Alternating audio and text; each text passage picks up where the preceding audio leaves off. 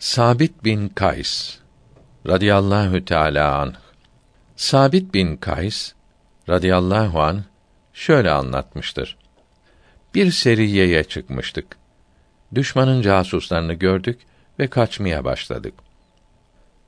Arkadaşlarımızdan birisinin atı tökezledi. Atından uyluğunun üzerine düştü. Uyluğu kırılmıştı ve kemikleri sanki hurma çekirdekleri gibi parçalanmıştı. Onu bir ata bindirmek istedik. Mümkün olmadı. Beni katledin dedi. Çaresiz onu orada bırakıp gittik. Bir gün ve bir gece yol aldık.